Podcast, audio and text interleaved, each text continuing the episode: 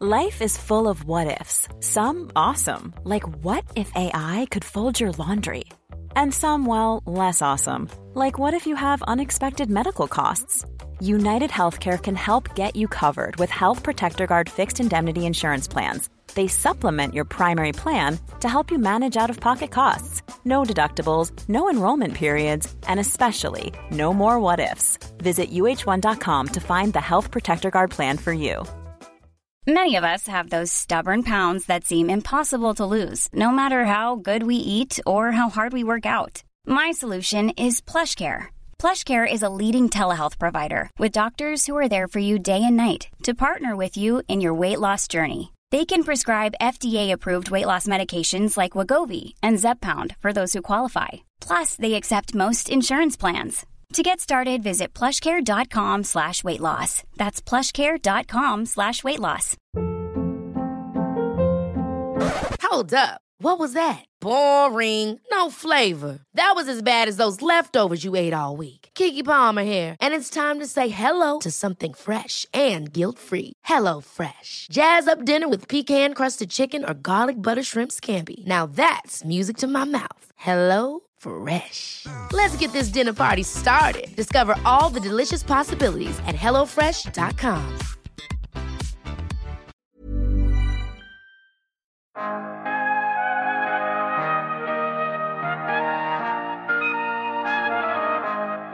Det lilla som jag ser och får höra är ju helt enkelt fruktansvärt saker som man inte som normal människa tror försiggår. Finns ju och där kommer ju verkligen det här med kryptering och möjligheten att hålla sig dolt in som ett stort problem. Så skulle vi visa så skulle folk häpna och eh, jag är ganska övertygad att vi skulle kunna få både med resurser och annan lagstiftning ganska snabbt.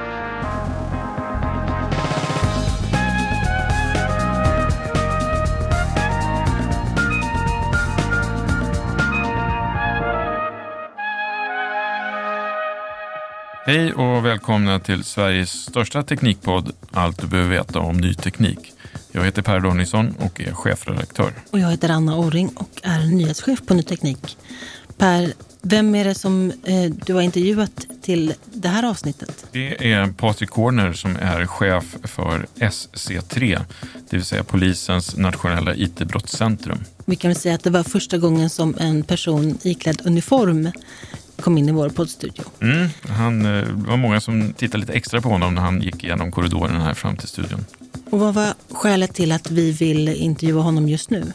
Ja, men det, fanns, det är flera skäl. Eh, framförallt ska vi prata med och vill veta mer om hur polisen med digital kompetens och eh, nya lagar lyckas spränga knarkligor, barnporrshärvor och eh, människohandel och andra brott där digital infrastruktur är själva navet för brottsligheten. Eh, och det berättar han väldigt eh, bra om skulle jag säga och förklarar hur det går till. Eh, vi ville, eller jag ville även veta mer hur de har arbetat med det här mer uppmärksammade fallet kring den ökända drogsajten eh, Flygsvamp 2.0, hur den ligan sprängdes och som är väldigt, ett väldigt aktuellt fall för just nu då, som eh, ska avgöras här inom kort. Precis, och det här har vi hört mycket om i eh, nyhetsmedia och andra saker vi har hört mycket om och själva rapporterat om är ju ny lagstiftning som kommer på plats här i, under våren. Vad handlar den om? Ja, det handlar om polisens möjligheter att kunna använda så kallade trojaner för eh, dataavläsning. Det här har ju varit kontroversiellt men också då från polisens håll med sagt att det här är ett nödvändigt verktyg för dem medan det står då mot den personliga integriteten. Mm. Ja, det här är ju att, att, polisens dilemma skulle jag säga att tekniken eh, springer i sån otroligt eh, hög hastighet medan lagstiftningen inte alls hänger med i samma tempo. Och eh, jag kan förstå att de är frustrerade på Polismyndigheten att de inte alltid kan använda senaste verktygen för att lösa avancerad brottslighet. Då ska vi ta och lyssna på Patrik Korner.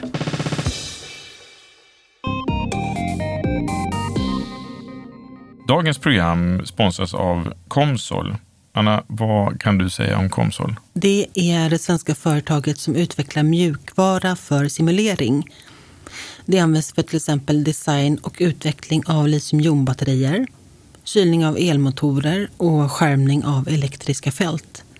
Ett exempel är att Samsung använder Comsol för design av högtalare till sina tv-apparater. Ja, precis. Och det där, allt det där är faktiskt rätt häftigt. Och nu är det faktiskt så att fler kan ta del av Comsols beräkningar. En nyhet är att man kan skapa fristående simuleringsapplikationer som kan köras av vem som helst utan behov av licens. Och vill man veta mer, ja, då är det bara att gå in på komsol.se. Ja, nu säger vi hej till Patrik Corner som är chef på Swedish Cybercrime Center, även kallat Nationellt IT-brottscentrum. Välkommen till podden Allt du behöver veta om ny teknik. Tack så mycket, kul att vara här. Ja, det är väldigt kul att ha dig här. Innan vi pratar om hur ni med digital kompetens och nya lagar spränger knarkligor, barnporrshärvor och olovligt dataintrång och människohandel där digital infrastruktur är navet för brottsligheten, så tänkte jag att du kanske kort kunde berätta vem du är. Ja, alltid en svår fråga. Eh, Patrik heter jag och eh, jag är en, en ung kille på plus 50 som har varit inom polisen i eh, ganska många år, började 91 eh, har sedan dess i princip varit polisen trogen. Jag har varit en kort stund även på Säkerhets och integritetsskyddsnämnden som vi säkert kan prata lite grann om senare eftersom man då utövar tillsyn över polisen och säkerhetspolisen och framförallt användning av både hemliga tvångsmedel och integritetsfrågor. Eh, men som sagt, jag har gjort en ganska lång poliskarriär och vill väl påstå mig allt annat än IT-specialist utan någon form av bred kompetens och eh, generalist. Jag har börjat som alla andra, kört radiobil i Västerort, Vällingby. Eh, och eh, sedan eh, gjort massor med saker, bland annat varit på nationella insatsstyrkan en stund, allt för kort dessvärre, skadade mig i nacken eh, ganska allvarligt. Eh, har sedan jobbat på Rikskrim sedan 1998 i olika former. Med allt från lite särskilda spaningsmetoder, informatörsverksamhet eh, och sådant. Och eh, eh, har väl också sen bytit bana helt från att ha varit en, en, operativ person och gjort en del kanske till och med spännande saker. Så gick jag in på det mer byråkratiska spåret, Vi gick lite utbildningar, hamnade på Rikspolisstyrelsen, började skriva lite fappar som det heter, alltså våran författningssamling och riktlinjer med mera. Eh, har utbildat mycket på Polishögskolan i vidareutbildningar i olika eh, utbildningar för just den utredande verksamheten framförallt men även informatörsverksamheten. Eh, så jag har gjort eh, ganska mycket inom polisen eh, och sedan har jag gått olika eh, så att säga, ledarspåret och gått lite utbildningar på FBI som har givit mig ganska mycket. Eh, och, eh, Exempel, vad har de utbildningarna på FBI gett dig? Eh, ja, så jag gick ju den stora utbildningen på säga, som heter National Academy som är tio veckor eh, på, i Quantico då, på FBI som är en eh, ledarskapsutbildning framför allt.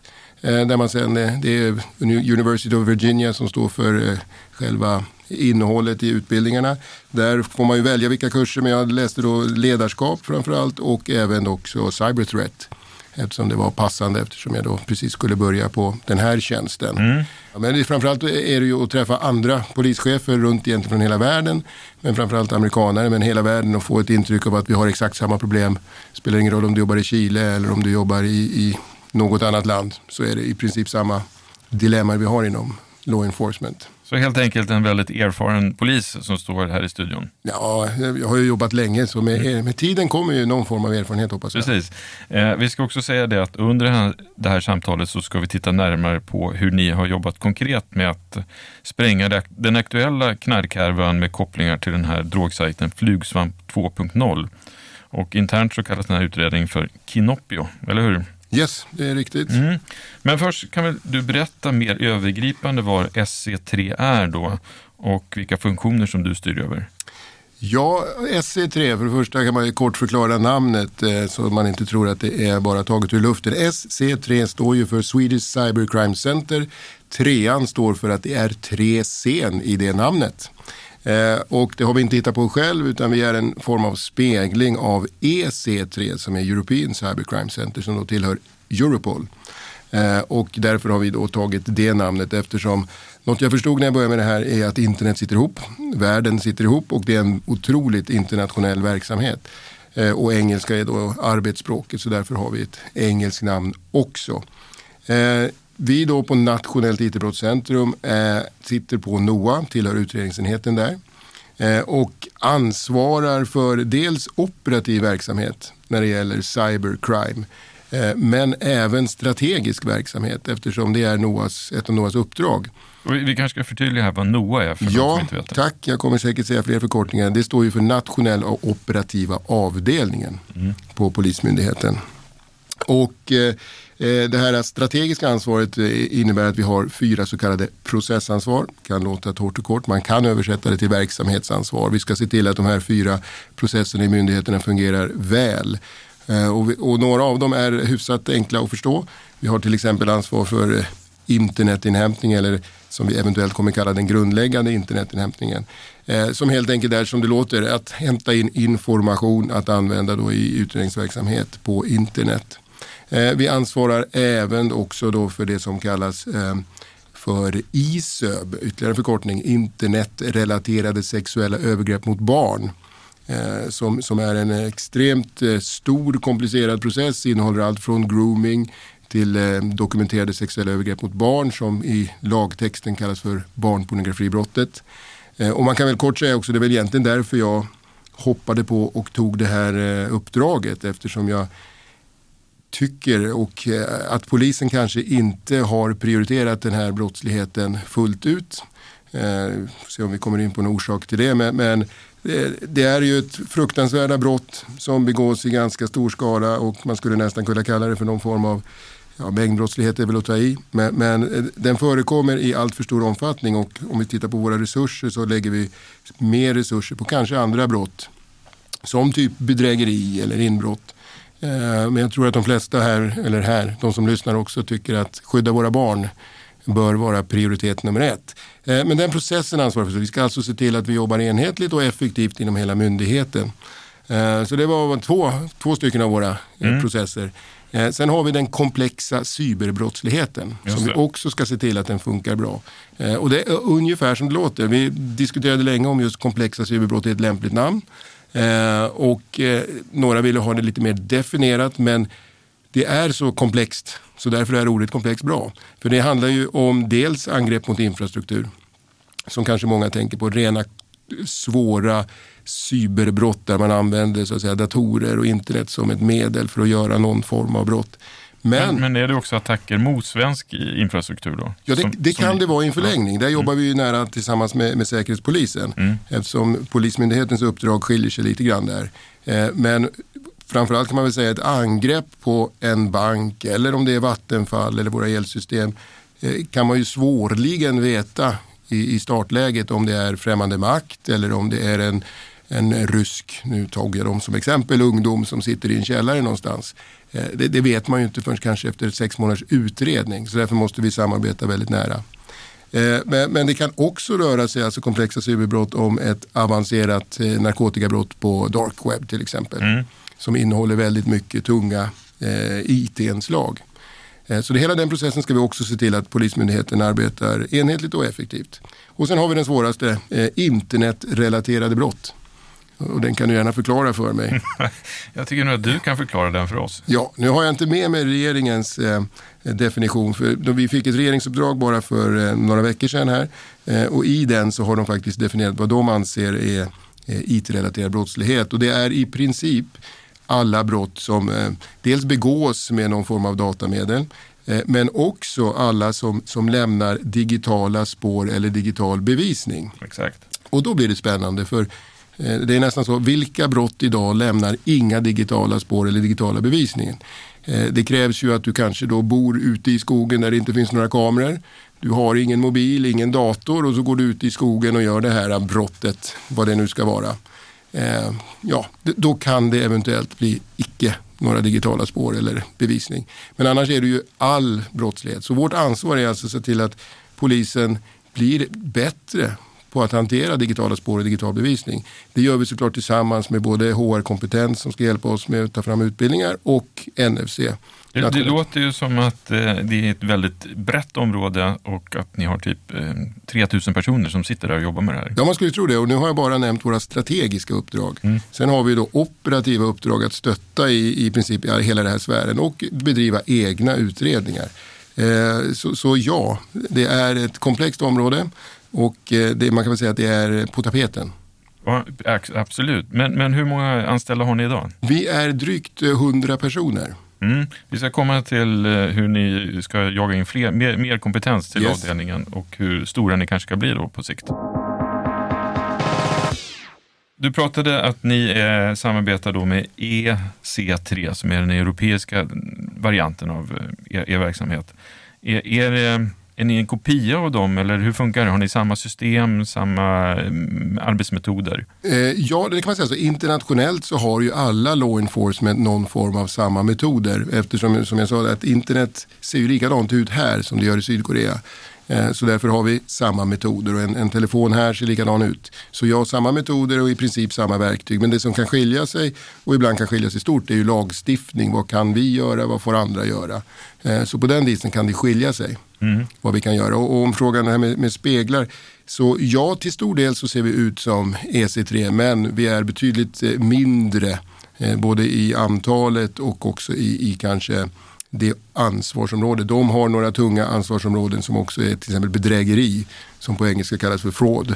Mm. Eh, hela den biten ligger inne på EC3 och den har vi i Sverige inte lagt in i cybercrime-centret. När det kommer till IT-brott och IT-relaterade, IT-relaterade brott så antar jag att det krävs en del samarbeten med andra länder för att nysta upp de här brotten. Mm. Eh, hur mycket hjälper ni andra länder och hur mycket hjälp får ni från andra länder? Eh, enkla svaret är mycket åt båda håll. Vi hjälper andra länder mycket och vi får fantastiskt mycket hjälp från andra länder. Och, och det ärendet som, som vi kanske snuddar vid eh, som pågår i domstol idag, Kinoppio, är ju ett sådant ärende och om jag tar det från minnet så tror jag vi har samarbetat med minst 27 olika länder och vi har skickat nästan ett 80-tal olika rättshjälpsförfaranden till, mm. till flera mm. länder. Eh, om du tittar då i er digitala verktygslåda, vilka skulle du säga de absolut viktigaste verktygen ni har för att eh, bedriva verksamheten? Ja, eh, det är ganska enkelt. Det viktigaste verktyget vi har är vår personal.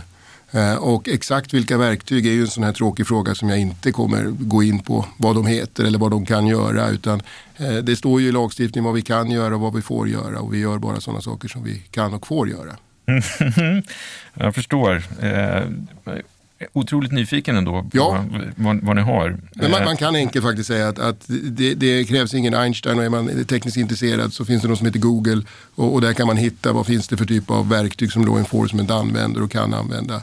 Och sen mm. måste man komma ihåg att anpassa det till svensk lagstiftning för allt som man kan göra får vi inte göra. Hur skulle du säga att kriminaliteten har förändrats eh, på grund av modern teknik?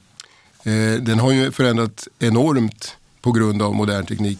Dels så har du ju eh, hela det som nu har flyttat in på nätet. Alltså idag istället för att råna banker så kan du ju till exempel, och vi kan ju titta på den här härvan som har varit i, i tidningarna lite grann med, med ukrainsk bedra, bedragare som man i princip kan säga har satt det i någon form av företagsbusiness att, att helt enkelt lura folk. Ja, där, men, då ska vi, prata, vi pratar alltså om den här bitcoin. Yes, eh, som egentligen inte är en bitcoin eh, utan det är ju ren och skär bedrägeri. Mm. För det finns ju inga bitcoin som jag förstår det involverade egentligen utan det är bara en chimär. Alltså man låtsas Exakt. handla i, i, bitcoin. Så det är ren bedrägeri. Vi, vi, ska säga det att det är Dagens Nyheter som avslöjade den här, det här bedrägeriet ja. och har skrivit rätt mycket om det. Ja, precis. Eh, så, så helt, du har ju alla de brottslighet, eller den brottslighet som faktiskt begås genom datorer och telefoner där man försöker då oftast bedra folk att eh, tjäna pengar och lurar folk. Eh, och sen har du ju den tekniken att du kan också använda den för att kommunicera. Eh, och, och, den har ju försvårat, vi kommer kanske nämna det också, det här med kryptering som är ett stort problem. som gör att det är svårt för polisen att få information om vad folk gör. Eh, då måste man ha mycket spaning. Vi kanske till och med måste vara med på plats för att höra vad folk säger. För väldigt stor del är krypterat mm. idag. Eh, vilka är de hetaste trenderna kopplade till digitala verktyg bland kriminella just nu då? Ja, om man ska vara generell så är det just att man kan kommunicera krypterat. Kommunicera krypterat? Ja, det är, alltså, kommunikation mellan människor är ju viktigt vad du än ska göra. Eh, om du ska ha en, en lunchdate eller om du ska råna en bank eller vad du nu ska göra för något så måste du kommunicera. Mm. Eh, och, och, då är ju kryptering alldeles yppligt. Mm. Och, och, vi ser ju att många yrkeskriminella och gäng och sånt där riktar, så här, använder så, här, så kallade supersäkra mobiler. Och, hur bär ni åt för att knäcka de här mobilerna när ni kommer över dem? Ja, och, och återigen så blir det ett lite, lite tråkigt svar. Vi, vi använder den teknik som finns eh, och de metoder som finns för att, så att säga, knäcka dem. Men det är ju ingen hemlighet att det finns telefoner som är fruktansvärt eller väldigt heter det, svåra att öppna och komma in i.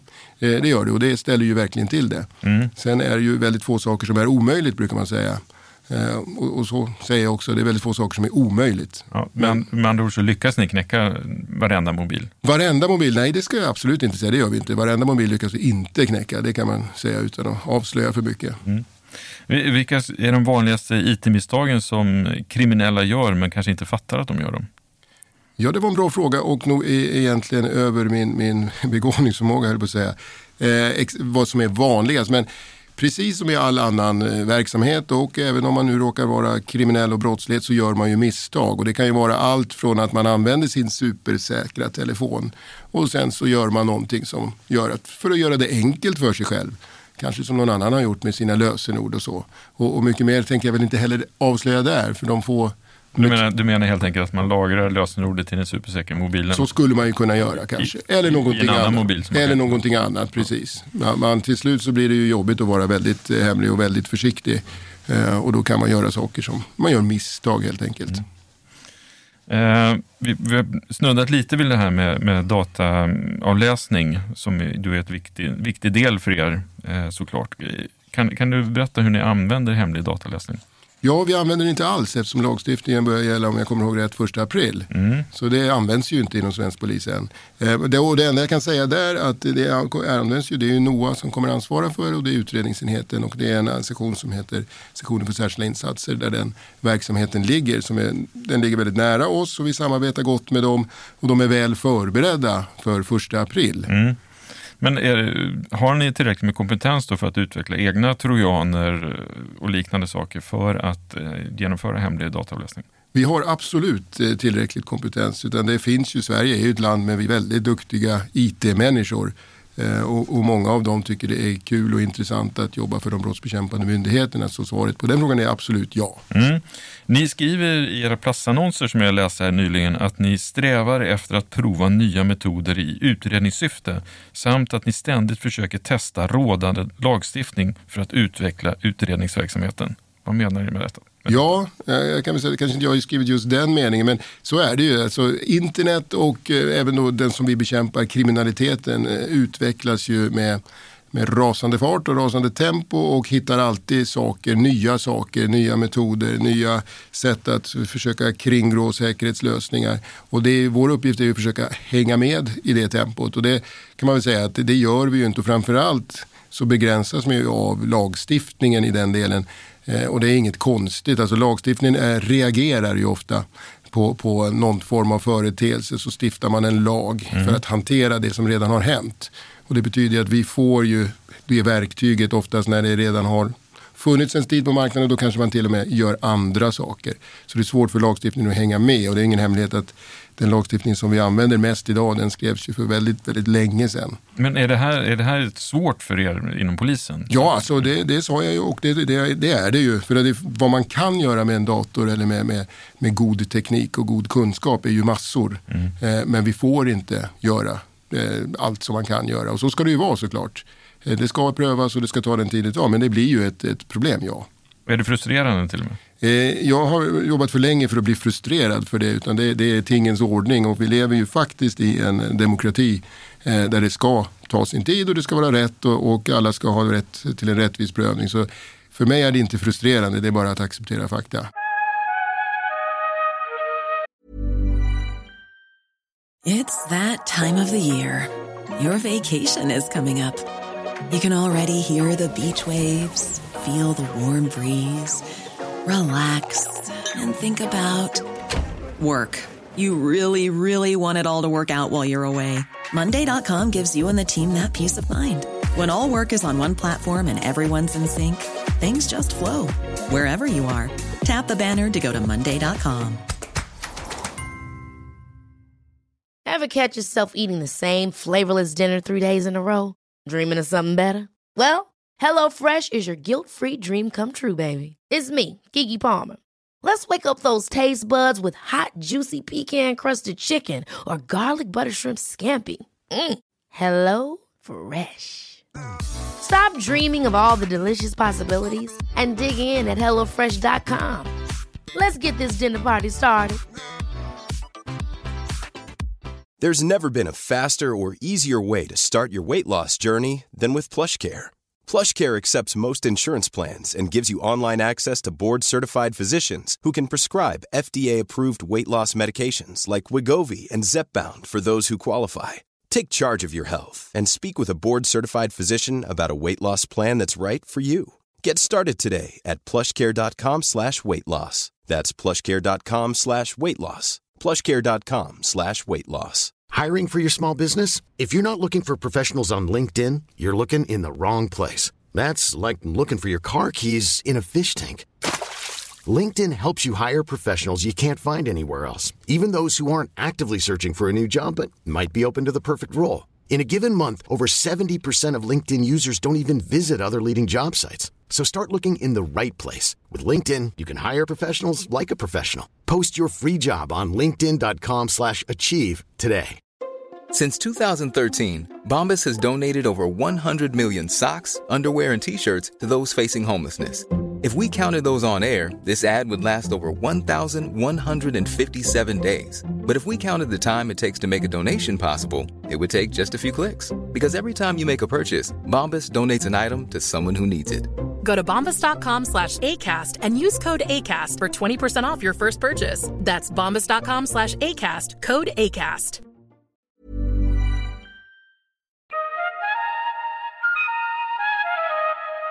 Nu ska vi bli lite mer konkreta då och titta på här, den här knarkhärvan som nyligen är eller på väg att nystas upp eh, och betecknas som en av de största i Sverige någonsin.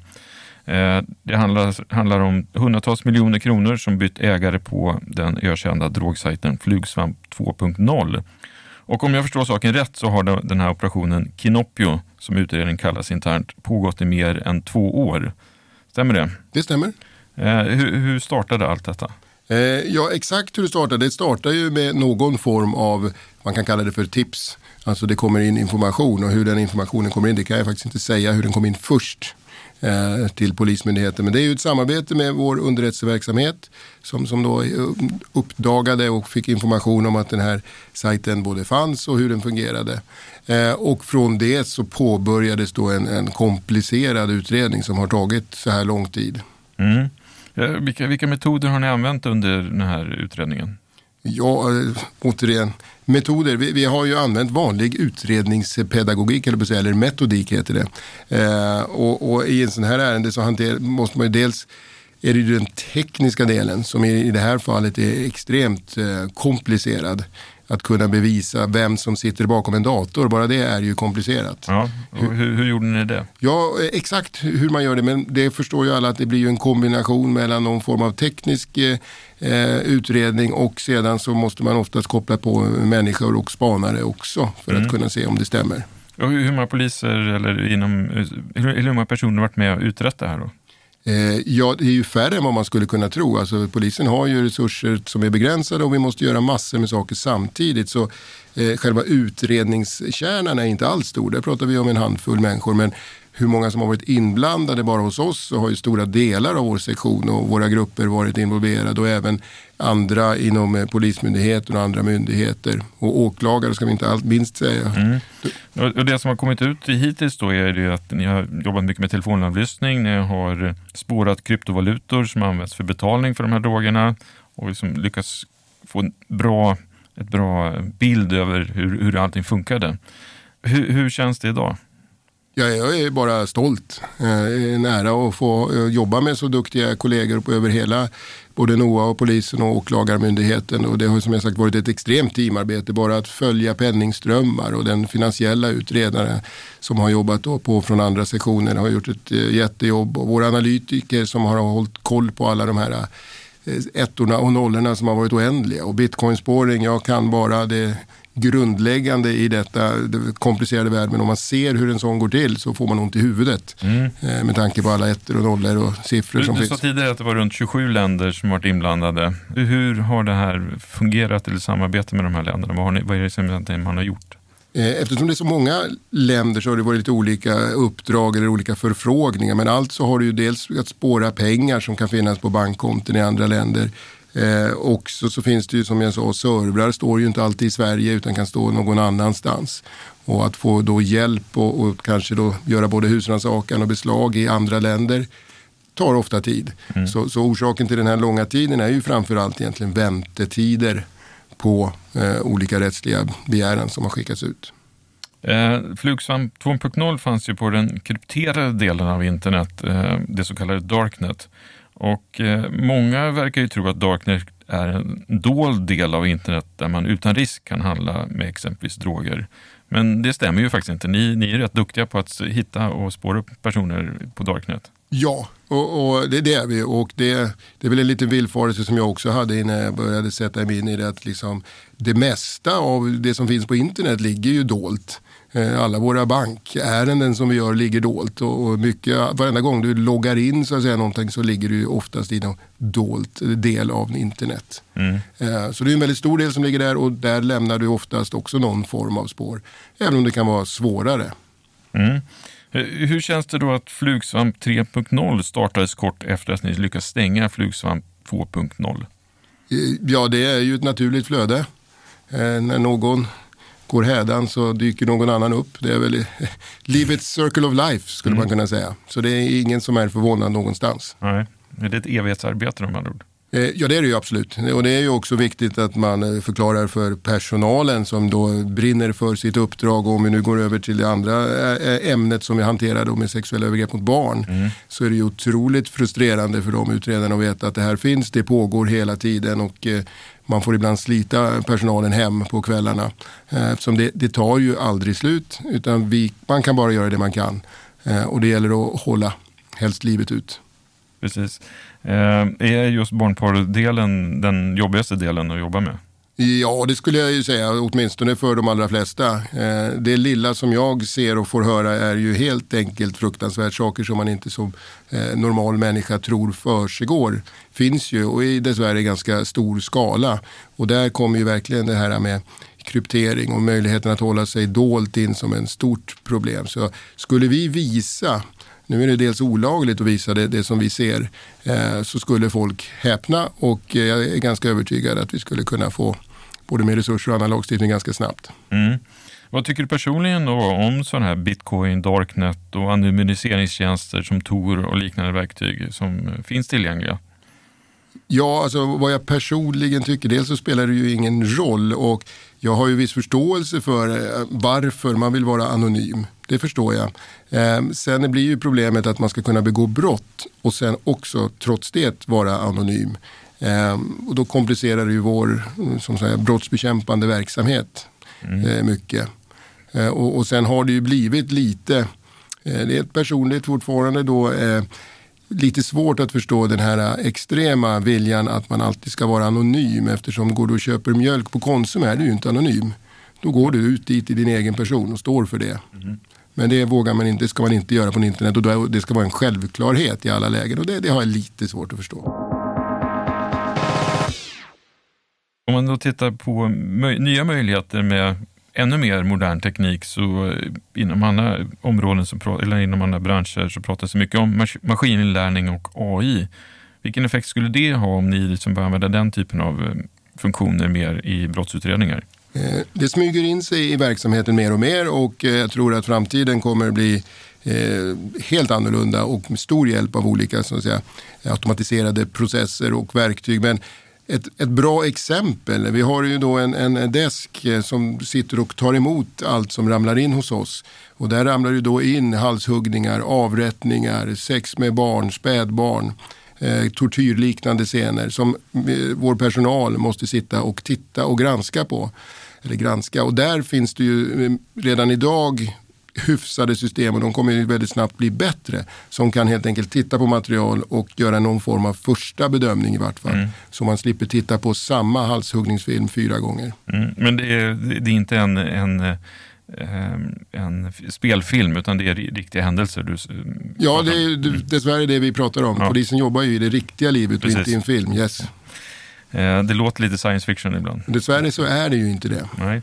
Eh, hur ligger Sverige till i införandet av nya sån här moderna, modern teknik i polisiär verksamhet i förhållande till andra länder? Då? Eh, jag tror att man skulle kunna säga att vi ligger bra till. Vi har en IT-avdelning som är kompetent. De är såklart resurssatta lågt, tycker både vi och dem.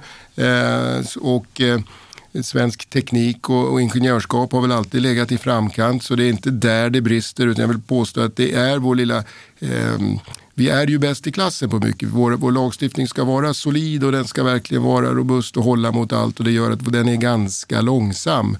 Eh, så jag vill säga att det är snarare där än den tekniska delen.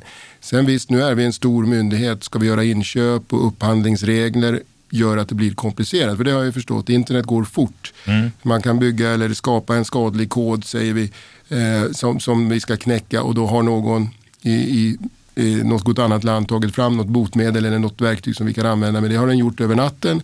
Vi skulle kunna använda det på en vecka men vår process att få in det i systemet är, är mer än en vecka så kan vi säga. Ja.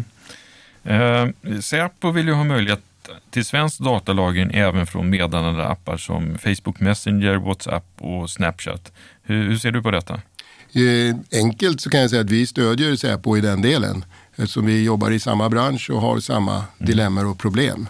Sen förstår jag att det finns juridiska komplikationer och svårigheter med det men Absolut. Men vad, vad, skulle det innebära att man, om man fick möjlighet till den här typen av datalagring från de här meddelandetjänsterna? Ja, rent tekniskt är jag absolut för dålig, men om vi tar WhatsApp som, som många använder, eh, så eftersom det är ett amerikanskt företag så vill vi idag ha ut något från, från WhatsApp, om det överhuvudtaget går, vilket jag vet det kan vara väldigt svårt, så är det en extrem process. Ofta kan man säga med de här amerikanska delarna så är det ju eh, krävs det dels att det ska vara straffbart i, i, USA för att vi ska få ut det och kommer vi till de här vanliga brotten med hot och förtal och sådana här saker så har de helt andra regler och att ett amerikanskt bolag följer amerikansk lag är ju helt naturligt. Så vi har ett bra samarbete med dem men det kan alltså krävas någon form av rättshjälpsbegäran från en svensk åklagare som kontaktar då en domstol i Kalifornien som ska då fatta ett beslut innan vi får tag i den här informationen som, som vi kan behöva. När vi vet att den kanske då finns, i vissa fall om vi inte pratar om WhatsApp, på en svensk server någonstans. Mm. Eller men, har... men skulle, hur skulle en sån här möjlighet till svensk datalagring gå till? Är det ett beslut som måste stiftas här? Eller? Ja, ja alltså, det vanligaste vi pratar om mer kanske är då det här beslag på distans mm. eh, som många andra länder har.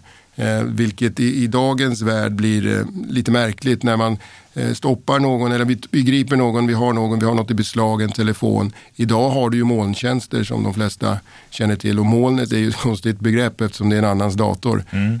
som står någonstans. Eh, och det blir ju då märkligt om man lägger upp allting som man gör, kanske direkt kopplat till sitt iCloud eller vad det nu kan vara. Eh, och eh, sedan när polisen ska göra en, en husrannsakan och ett beslag så kan vi inte få tag i den här informationen. För vi får inte, även om vi kan, alltså vi har inloggningsuppgifter, den kan till och med vara påslagen. Eh, så kanske vi inte får ta det för det ligger då på en server någon annanstans. Och där har ju andra länder en betydligt eh, bättre lagstiftning. Mm, tror du att vi kommer komma dit, att vi har en lik, likadan bra lagstiftning? Då, det tror jag. Det? Ja, jag, jag, tror att Sverige brukar, brukar följa efter men sen kanske vi tar fem, tio år eh, extra på oss så att det blir riktigt, riktigt bra. Mm. Eh, om vi pratar om kompetensförsörjning då, eh, vad innebär det egentligen att jobba som tekniker hos SE3? Vad, vad, vad får man göra? Ja, vi har ju inga direkta tekniker. Eh, vi har ju IT-forensiker, vi har nätverksspecialister med mera. Eh, så, så det vi vill ha är ju bred kompetens. Eh, några brukar, som är betydligt bättre än mig, brukar ju prata om att är du väldigt spetsig, du är jätteduktig på just något litet område, så går det ju väldigt fort utvecklingen. Så vi vill hellre ha generalister som är riktigt breda Sen behöver vi ibland då, kanske nätverksspecialister eller till och med någon som är duktig på att skriva koder, skripta och programmera också. Mm. Men varför ska man söka sig till SC3 och inte till eh, Spotify eller eh, något spelbolag eller sånt där?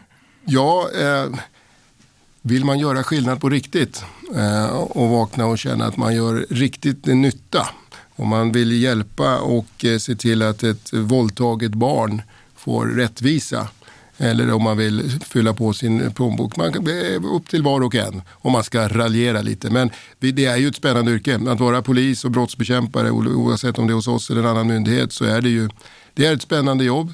Eh, man är verkligen med där det händer, när det händer. Eh, och, och precis som jag började med, man gör faktiskt skillnad på riktigt om man jobbar inom brottsbekämpningen. Mm.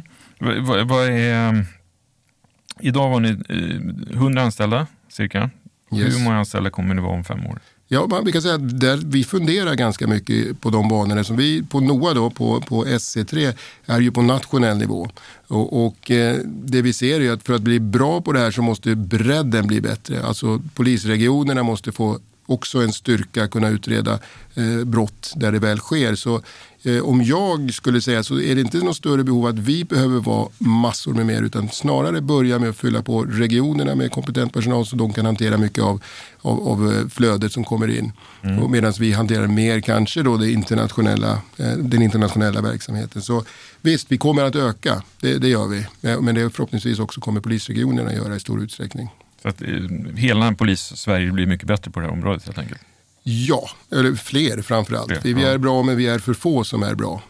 Vilka är de största utmaningarna för dig då i, i din roll kommande år? Eh, jag, jag, får ju kämpa med att få mina chefer att förstå vikten av det här området och vi jobbar ganska stenhårt med att förstå eller få framförallt utredningssidan och förstå hur viktig digital bevisning och digitala spår är och hur snabbt de eh, försvinner. Det är flyktigt. Vi måste alltså vara bättre och få en bredare spridning på det. Eh, så, så att informera, lära vår egen organisation om att cyber och IT finns och är en stor del av alla utredningar. Mm. Och de stora möjligheterna du ser framför dig? Ja, möjlighet, om vi blir bättre så kommer vi öka vår uppklarningsprocent alltså när det gäller många olika brottstyper. Idag är IT-forensiker till exempel en väldigt smal, alltså en så kallad flaskhals eh, där många utredningar ligger och väntar på ganska enkla inom situationstecken eh, utredningar kanske då genom att gå igenom telefoner. Där finns de på hög. Eh, och, och det, det, skulle vi få in mer IT-forensiker i verksamheten så skulle hela utredningsverksamheten rulla på med, med högre hastighet. Vi kanske ska förklara vad en IT-forensiker gör? Ja, IT-forensiker gör ju egentligen mellan himmel och jord. Vi, vi har allt från det man skulle kunna säga, alltså tömma en telefon det är en del som påstår att det kan maskiner göra. Och, men ska du göra med någon form av eh, finess och veta vad du vill ha så, så krävs det en viss utbildning. Så det kan vara allt från IT-forensik, hantera mobila enheter till att gå igenom eh, servrar, hantera eh, krypton. Eh, och, eh, igen, och det kan också vara nätverksspecialister som jobbar med att analysera eh, data från, mm. från nätet. Eh, så spektrat är ganska stort. Vi har folk som sitter med, med mikroskop hos oss och, och löder och chippar tills, eh, till andra delar som, som gör vad vi nu skulle kunna säga, andra eh, lite enklare saker. Vi får heller inte glömma allt med bild och ljud idag. Det spelas ju in massor med bilder och ljud. Och bara att kunna hantera och förfina ljud så att det hörs, bilder så att de verkligen syns på både allt från film till andra bilder. Så spektrat är stort vad en IT-forensiker gör. Ja, verkligen. Patrik, stort tack för att du kom till podden Allt du behöver veta om ny teknik. Ja. Otroligt kul att ha det här. Vi kommer säkert eh, kanske återkomma till det här ämnet ja. eh, flera gånger. Tack så mycket. Tack så mycket. Tack.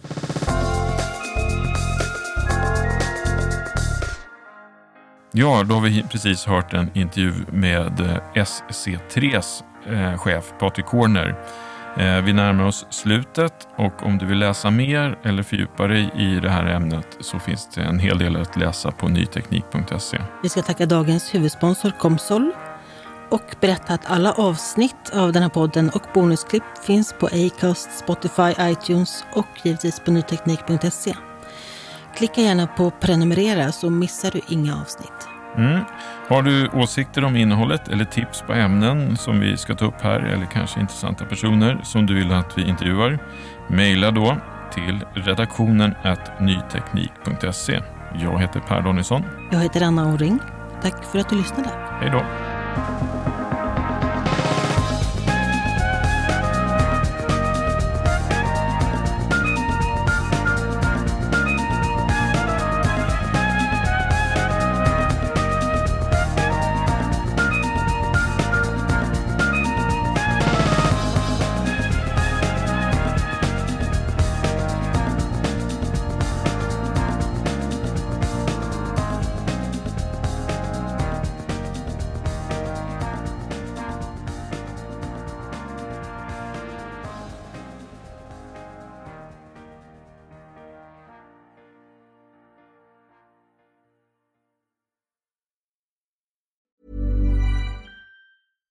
When we're on a budget, we still deserve nice things. Quince is a place to scoop up stunning high-end goods for 50 to 80% less than similar brands. They have buttery soft cashmere sweaters starting at $50, luxurious Italian leather bags, and so much more. Plus, Quince only works with factories that use safe, ethical, and responsible manufacturing. Get the high-end goods you'll love without the high price tag with Quince. Go to quince.com slash style for free shipping and 365-day returns. Hold up. What was that? Boring. No flavor. That was as bad as those leftovers you ate all week. Kiki Palmer here, and it's time to say hello to something fresh and guilt-free. Hello Fresh. Jazz up dinner with pecan-crusted chicken or garlic butter shrimp scampi. Now that's music to my mouth. Hello Fresh. Let's get this dinner party started. Discover all the delicious possibilities at hellofresh.com. Hi, I'm Daniel, founder of Pretty Litter. Cats and cat owners deserve better than any old fashioned litter. That's why I teamed up with scientists and veterinarians to create Pretty Litter. Its innovative crystal formula has superior odor control and weighs up to 80% less than clay litter. Pretty Litter even monitors health by changing colors to help detect early signs of potential illness. It's the world's smartest kitty litter. Go to prettylitter.com and use code ACAST for 20% off your first order and a free cat toy. Terms and conditions apply. See site for details.